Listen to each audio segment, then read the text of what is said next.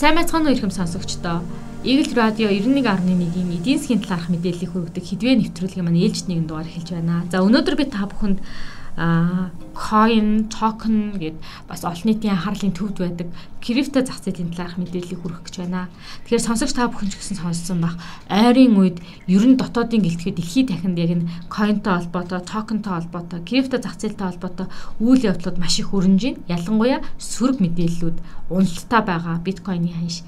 За мөн үүнээс гадна крипто зах зээлийн дэлхийн хамгийн том биржүүдийн нэг болох одоо FTX гэд бирж дампуурсан. За дампуурланд бүр нэг хоног нэг хоногийн дотор болоод өрнөжсөн. Ингээд хэдхэн хоногт энэ том бирж дампуурах тухай мэдээлэл гараад биржийн дампуурлын тухай асуудлууд Америк нэгдсэн улсын одоо алтных нь хүрсэн гих мэтлэн бас ийм үйл явдлууд болж байна. Энэ нэргээд дэлхий дахин за мөн дэлхийтэй ялгаагүй Монгол улсад ч гэсэндээ бас одоо олон олон тодорхойгүй байдал эрсдлүүдийг үүсгэж байна. Тэгэхээр энэ талаарх мэдээллийг хүргэх гэж байна. За FTX гэдэг энэ бирж бол дэлхийн хамгийн том биржүүдийн нэг. За ялангуяа арилжааны дүнгээр нэгэд аваад үзэх юм бол энэ бирж дэлхийн хамгийн том 5 биржийн нэгд бичигддэг. За энэ оны эхнээс гээд аваад үзэнгүүт FTX бирж дээр нийтдээ 626 тэрбум ам долларын арилжаа хийгдсэн. Тэгээ ийм том бирж байгаа. Гэтэл энэ бирж маань ингээд хитгэн хоногийн дотор дампуурчихлаа. Тэгэхээр хэдийгээр бид нар ингээд coin token крипто зах зээлийн талаар маш их сонирхож байсан боловч эргээд энэ зах зээлийн оролцогчид ямар богино хугацаанд дампуурч байгааг ер нь энэ зах зээл маань өөрөө итгэж болох зах зээл юм уу биш үү гэдэг ийм олон олон одоо асуудлуудыг олон олон тодорхойгүй байдлын эрсдлийг бас зах зээлд оролцогчид түгээгээд байна. За мэдээж яагаад энэ том бирж дампуурваа? Тэгэхээр одоо энэ 10 дугаар сарын байдлаар аваад үзэнгүүд бараг 600 гаруй тэрбум ам долларын арилжаа хийгдсэн энэ том бирж яагаад дампуурв гэдэг асуулт мэдээж урган гарнаа. За янз бүрийн мэдээллүүд хөөрч байна, янз бүрийн тайлбарууд хөөрч байна. За ерөнхийдөө энэ яг энэ крипто валюутай холбоотой энэ биржүүдийг технологийн салбарын хүмүүс илүү их удирддаг. А гэтэл энэ технологийн салбарын хүмүүс маань бизнес менежмент гэдэг юм уу эрсдлийн эрсдлийн удирдлага тал дээр бас ингээд алдаа гаргах ийм эрсдэлтэй байна.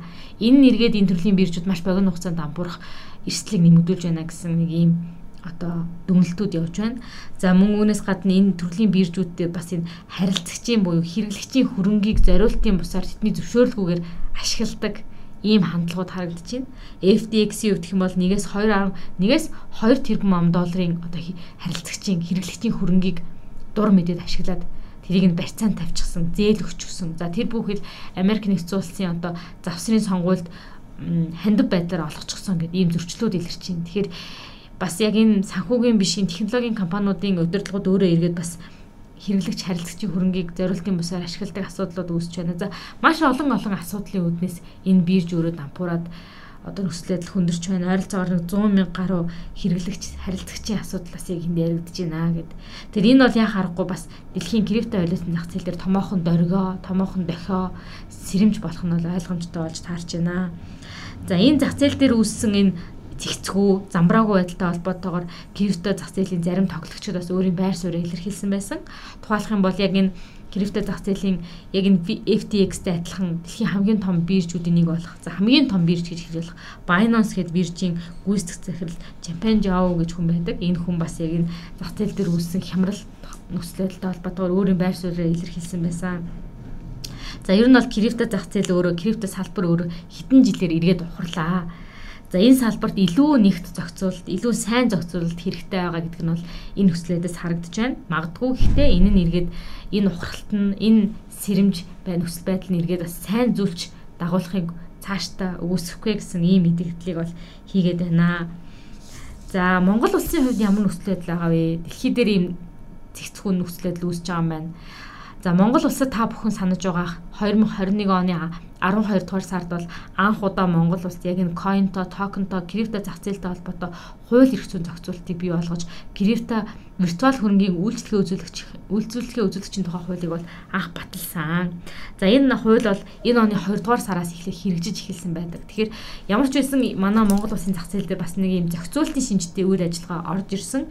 Бас энэ крипто зах зээлийг зохицуулах, хянах үүрэгтэй байгууллага бий болсон нь бол энэ зах зээлийг санхүүгийн зохицуулах хорооны харьяанд өгч байгаа. Тэгэхээр бас нэг хариуцлага нэгэх хяналт тавих юм байгууллагатай болсон. За 2 дугаар сард энэ хууль хэрэгжиж эхлээд шууд хэрэгжиж эхлэегүй. Өмнө нь Монгол улсад энэ төрлийн үйл ажиллагаа явагдажсэн учраас шилжилтийн үе гэдэг ийм зохицуултыг хийж гисэн. За ингэхдээ 2 дугаар сараас 6 дугаар сар хүртэл бол яг энэ хуультай холбоотой дүрм журмуудыг боловсруулах үе гэж яваад за 6 дугаар сараас 9 дугаар сая хүртэл сар хүртэл бол өмнө нь үйл ажиллагаа явуулж исэн биржүүдийг бүртгэх энэ үйл явц бол болсон. За одоо бол хууль бол бүрэн хүчин төгөлдөр хэрэгжиж байгаа. Өөрөөр хэлбэл шилжилтийн үе нь бүрэн дууссан гэж хэлж болно. За ингээд шилжилтийн үеэс ингээд хараад үзэхэд бол Монгол улсад а дижитал хөрөнгийн үйлчлэгээ үзүүлэгч буюу виртуал хөрөнгийн үйлчлэгээ үзүүлэгч буюу тухайн нөгөө койнуудыг бүртгэдэг, арилжааг одоо явуулдаг биржүүд бол бүртгүүлсэн. За санхүүгийн зохицол хорооны мэдээлж байгаагаар бол 9 бирж одоогор бүртгээд байгаа гэсэн ийм мэдээлэл бүртгүүлээ өгөөд санхүүгийн зохицол хорооны тавьсан шаардлагыг хангаад байгаа. За эндээс дурдах юм бол Digital Exchange Mongolia, iDAX, CoinHub, XMeta, Complex Digital Ecosystem, Corex зэрэг 9 бирж өмнө нь үйл ажиллагаа явуулж исэн 9 бирж бол виртуал үйлчлэл үзүүлж бүртгүүлсэн. За үүнээс гадна дахиад 3 одоо яг ийм виртуал хөрөнгөний үйлчлэгээ үзүүлэгч буюу бирж бүртгүүлэхээр санхүүгийн зохицол хороонд хандаад байгаа юм билэ. За санхүүгийн зохицол хороо бол тодорхой шаардлагуудыг тавьсны үндсэн дээрээс бол энэ биржүүдийг бүртгэх хэсгийг шийднэ гэд.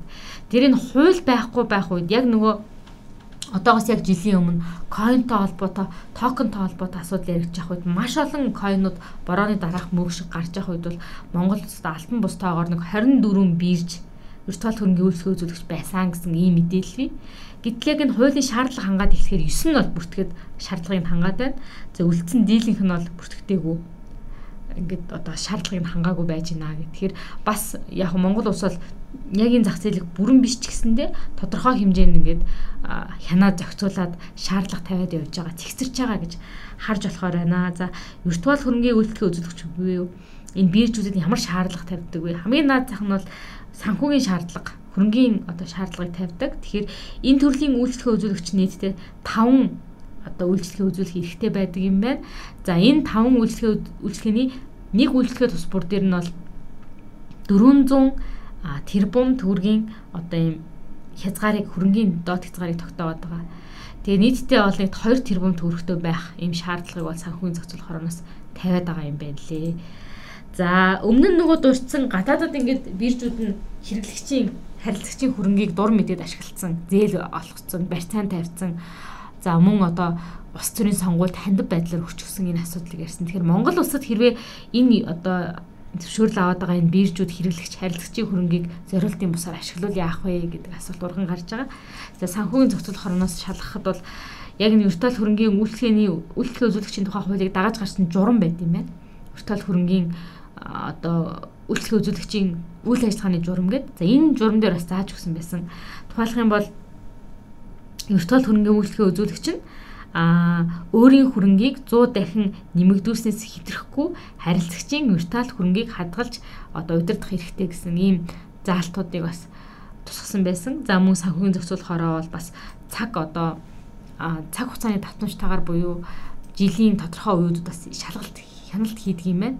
Тэгэхээр бас энэ дээр бас яг бүрэн биш ч гэсэндээ бас харилцагчийн хөрөнгийг одоо эрсдээс хамгаалах энэ биржүүд өөрөө дуран мэдэн ашиглахгүй байх тэр санхүүгийн зохицуулахаараа өөрийн эрх үүргийн хэмжээнээс тодорхой шаардлагуудыг тавиад хяналтуудыг тавиа явж байгаа юм байна. Тэгэхээр энэ эрсдэл Монгол улсад бол харьцангуй бага. Гэхдээ түрүүн хэлсэнчлэн бас ингээд дэлхийн ийм том биржүүд ампуураад байна гэдэг бол энэ зах зээл өөрөө ерөнхийдөө бас ийм имэх замраагүй цэгцгүй эрсдэл өндөртөө байдгаа гэдгийг бид бас мартаж болохгүй. Маш их савлгаатай юм зах зээлээ гэдгийг бид бас энэ дашрамд хэлхэн зүйтэй юм аа. За жилийн өмнө бол 9 дугаар сард ялангуяа өмнөх оны 9 дугаар сард 10 дугаар сард бол үнэхээр Монгол улсад яах аргагүй coin тэтгэлж байсан. Энэ зах зээлийн арилжаа бол маш өндөр байсан. За бүр альбан бус тоогоор 2021 оны оргил үед өдөр дунджаар Монгол улсын яг энэ крипто валютын зах зээлд дотоодын читэр гадаадын койны читэр арилжаа бүр нэгээс 1.4 их найт төгрөгийн арилжаа нэг өдөр хийгддэг байсан гэх. Тэгэхээр бүр энэ зах зээл бол үнэхээр Монгол улсад тесрэлт болж байсан харагддаг. За одоо энэ зах зээлийн ер нь арилжаа буураад байгаа, хөөс хагараад байгаа гэж ойлгож байна. Тэгэхээр энэ оны 3 дугаар удирлын байдлаар энэ зах зээл дээр өдөр дунджаар 300 тэрбум төгрөгийн арилжаа бол хийгдэж байна гэсэн мэдээллийг санхүүгийн зохицуулах хороос бидэнд өгч байна. За өмнөх оны буюу 2021 оны оргил үетэй харьцуулаад зөнгөд барна 3-аас 4 дахин буураад байна. Тэгэхээр нөгөө борооны дараах мөг биш байж байсан олон нийтийн анхаарлыг татчихсан хүн бүхэн койн руу шуурж явахснаа болоод эргээд энэ зах зээл маань илүү одоо голдрлоороо гэдэг юм уу илүү яг энэ потенциалаараа бас ингэж арилжаа хийгдэж байна гэж харж болохоор байна. За нэг ийм одоо мэдээллүүд, ийм үйл явцууд дотоодын ч тэр, гадаадын ч тэр койны, крипто валютын зах зээл дээр өрнөж байна. За мэдээж ер нь бол энэ төвлөрсөн бус одоо систем гэж хэлээд байгаа энэ coin token асуудал бол хэдийгээр одоо маргаан дагуулж байгаа боловч энэ бол яах аргагүй дэлхийн санхүүгийн системийн нэг ирээдүй. Мэдээж уламжлалт санхүүгийн системүүд, банкуд, хадгалан зээлийн хоршоонууд, хөрөнгөний биржүүд бүгд байна. А гэхдээ үүнтэй зэрэгцээд цоошин ийм хөрөнгөний одоо зах зээлийн нэг үе нэг ирээдүй бий болж байгаа нь бол крипто. Тэгэхээр хичнээн яаж ч муулаад энэ зах зээл бол цаашдаа явах нь бол ойлгомжтой. Энэ шинжилэл өөрчлөлтийг бол хэн зогсоож чадахгүй. А гэхдээ энийг энэ систем өөрөө бүрэн төгс систем үү гэвэл үгүй. Энд илүү их зохицуулт хэрэгтэй байна. Илүү их хяналт хэрэгтэй байна. Илүү энэ зах зээлийг эрсдэлгүй болгох хэрэгтэй байна. Мөн энэ зах зээлийн оролцогчдыг илүү одоо чанартай сайн ийм оролцогчдоор бий болгох. Тэгэхгүй энэ дунд маш олон оролцогчд хүмүүсийн хуурч мэхлэгч ийм оролцогчд явж гин санхүүгийн зайлшин хийгч оролцогчд явж гин тэгэхээр магадгүй энэ зах зээлийн хуулиараа цаг хугацааны шалгараал сайн одоо тэсэж үлдээд илүү энэ ирээдүг тодорхойлох нь ойлгомжтой. А энэ дунд зохицуулалтын шинжтэй илүү тодорхой болгох энэ зах зээл өөрөө өөрийгөө энэ зах зээлийн оролцогчд цаашлаад энэ зах зээл дээр одоо үйл ажиллагаа хянах зориултаа энэ зохицуулах байгууллагууд санхүүгийн зохицуулах хороож байдаг юм уу банкуд байдаг юм уу аль ч улсын үед энэ зохицуулах байгууллагууд бол энэ дээр илүү уян хатан болох илүү зохицуулалт хяналтаа сайжруулах ийм шаардлага бол дэлхийн нийтэд тулгарч байна Монгол улсад ч тулгарч байна үүнийгээ энэ зах зээлийн оролцогч гэсэн төрөн хэлсэнчлэн хүлээн зөвшөөрч байна. За нэг ийм үйл явдал крипто валютын зах зээл дээр өрнөж байна. Тэгэхээр энэ талаарх мэдээллийг бол бас үзэгч та бүхэнд хүргэхийг зорилоо хамт байсанд их баярлалаа.